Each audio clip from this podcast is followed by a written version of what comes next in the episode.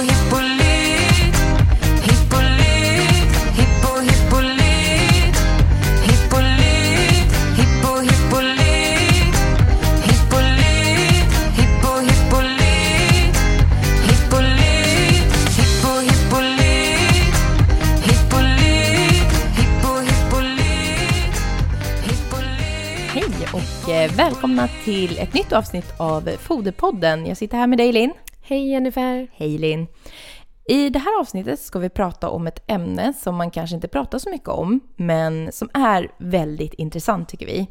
Och eh, som det är någonting som man forskar i ganska mycket om just nu. Och det handlar om metabolisk programmering och vad vi har för nytta av det. Och jag tänkte att vi börjar reda ut, för det är säkert många där ute som funderar, metabolisk programmering, vad är det och vad innebär det begreppet? Ja, och det finns det ju fog för. Eh, eh, vad man kan säga är väl att en avkomma får hälften av sina gener från sin mamma och hälften av sina gener från sin pappa. Men så finns det också en annan typ av arv som man har börjat forska mer på nu då, och det är den metaboliska programmeringen. Och den här typen av förändring är kopplad till cellernas minne och sen kan det påverka redan i livmodern eller strax efter födseln. Okej, och nu tänker jag att det är många som funderar, varför tar vi upp det här i vår foderpodd?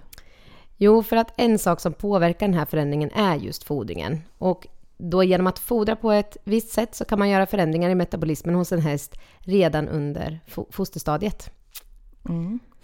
Men vi kan ju börja med att prata bakgrunden till varför det här ämnet är så himla intressant, eller varför vi, vi i alla fall tycker att det är väldigt intressant. Jo, men det är ju för att det är inget nytt att, eh, det- att prata om miljöarv och vikten av att växa upp i en bra miljö och få rätt kost. Eh, men däremot så har kunskapen inom ämnet varit ganska begränsad. Eh, nu har man börjat göra mer studier på det här och då även på häst som visar att miljön i livmodern påverkar individen då även i vuxen ålder. Och det finns ju perioder då en individ är särskilt känslig för förändringar, och när är det? Eh, ja, framförallt så är det ju då eh, under befruktningen, eh, tiden i livmodern eller ett väldigt tidigt skede i livet eh, som man är särskilt känslig för förändringar.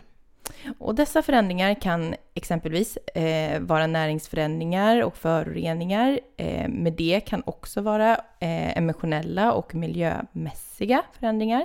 Men vi kommer ju fokusera på de näringsmässiga förändringarna. Och kan du ge exempel på det? Ja, men eh, brist eh, på viktiga näringsämnen, det kan vara lågproteindieter eller också kan det vara förhöjt blodsocker, diabetes hos människor då, under tiden för befruktningen eh, är associerad då med en förändrad placentafunktion, överkänslighetsstörningar eller en störd metabolism hos avkomman. Du pratar nu om en förändrad placentafunktion eh, och jag tror att det är många som funderar lite mer kring det. Kan du utveckla det lite och ge ett exempel? Ja, alltså placentan, det betyder moderkakan. Eh, den anpassar sig till stoet både när det gäller celltillväxt och blodtillflöde då, hormoner, eh, för att säkerställa bästa möjliga överlevnad för individen. Och ett exempel på det här är ju då att förändringar i moderkakan har visat sig att påverka bland annat cirkulationen, funktion av bukspottkörtel och njurar. Eh, Den metaboliska programmeringen är då avsedd för att förbereda och anpassa fölet till den miljö som den ska leva för när den kommer ut ur livmodern. Nu tror jag det är många som funderar att det här är ju ganska komplicerat och hur kan det här i praktiken då hjälpa oss? Jo, men en dålig miljö i livmodern kan ju då bidra eh, till att det sker en metabolisk förändring hos fostret och det här kan ju då få konsekvenser för fölets framtid och hållbarhet som ri- ridhäst. Så att det här är ju någonting som om vi kan förstå den här metaboliska programmeringen så kan ju vi förebygga kanske problem som annars skulle kunna uppstå. Då. Ett eh, väldigt vanligt problem hos hästar är ju insulinresistens, eh, som vi pratat om flera gånger i tidigare avsnitt. Och eh, insulinresistens ökar ju risken för fång. Och även här blir ju metabolisk programmering faktiskt intressant. Ja, även här så spelar metabolisk programmering in på den här problematiken som vi har varit inne på flera gånger förut. Eh, man har sett om fölet är efter ett sto som har högt blodsocker eller då insulinresistens så kommer fölet ha anpassat sig till det här höga blodsockret och en insulinresistent miljö. Vilket då kan få negativa hälsoeffekter på hästen på lång sikt. Eh, första tiden efter födseln är också en väldigt känslig period. Eh, och därför är det då viktigt att utfodra ordentligt eh, och att det kanske kan vara eh, åt det positiva hållet att eh, hästen hålls tunn istället för att man råkar eh, ha en lite för rund eh, individ i tidigt skede i livet. Metabolisk programmering har ju också visat sig ha en effekt på benutveckling och funktion, vilket delvis anses vara påverkat av förhållandet mellan bentillväxten och energiomsättningen. Och det samma sak gäller ju muskelfunktionen. Det görs inte mycket forskning på häst och på just det, men från andra eh, djurarter, bland annat då nötkreatur och grisar, eh, så har det finns studier som indikerar att det finns en korrelation eller ett samband då mellan muskulatur och energimetabolism.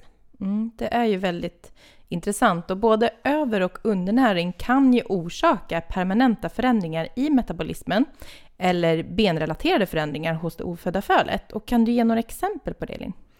Ja, alltså det, det här händer ju när placentan eller moderkakan då anpassar sig till näringstillförseln från stoet. Och om stoet är undernärd under dräktigheten eh, kan moderkakan uppreglera blodtillförseln, eh, vitamin och aminosyrtillförseln till fostret för att kompensera för den lägre näringsnivå som stoet har. Då.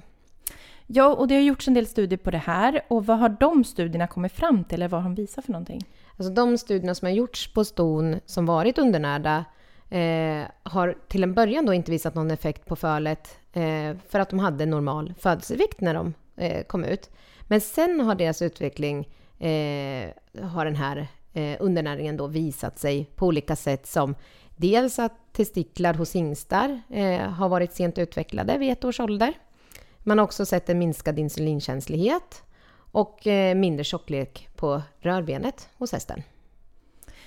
Eh, De utvecklingsförändringar som du nämner eh, kan påverka hästens framtid och hållbarhet. Men det kan ju också övervikt göra.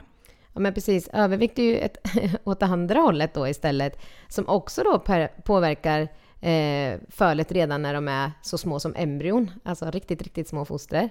Eh, och om stoet till exempel är överviktigt eller insulinresistent under tiden för befruktningen så finns det då studier som visar att fölungen har en nedsatt insulinkänslighet.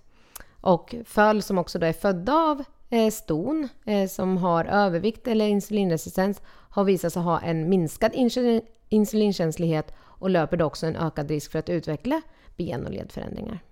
Så att hur man, om man nu fodrar stoet som att den är antingen undernärd eller att den är, har en övervikt så påverkar det här den ofödda avkomman redan i väldigt tidigt skede då. Ja, det här är ju väldigt spännande område. Vi hoppas på att det kommer mer och mer eh, forskning kring det här, för det är ju väldigt intressant. Ja, och just att den påverkan som eh, väldigt tidiga förändringar i foderstaten och även hur man lägger upp sin foderstrategi eh, för sina eh, avelshästar påverkar de ofödda hästarna som vi går och väntar på när vi avlar.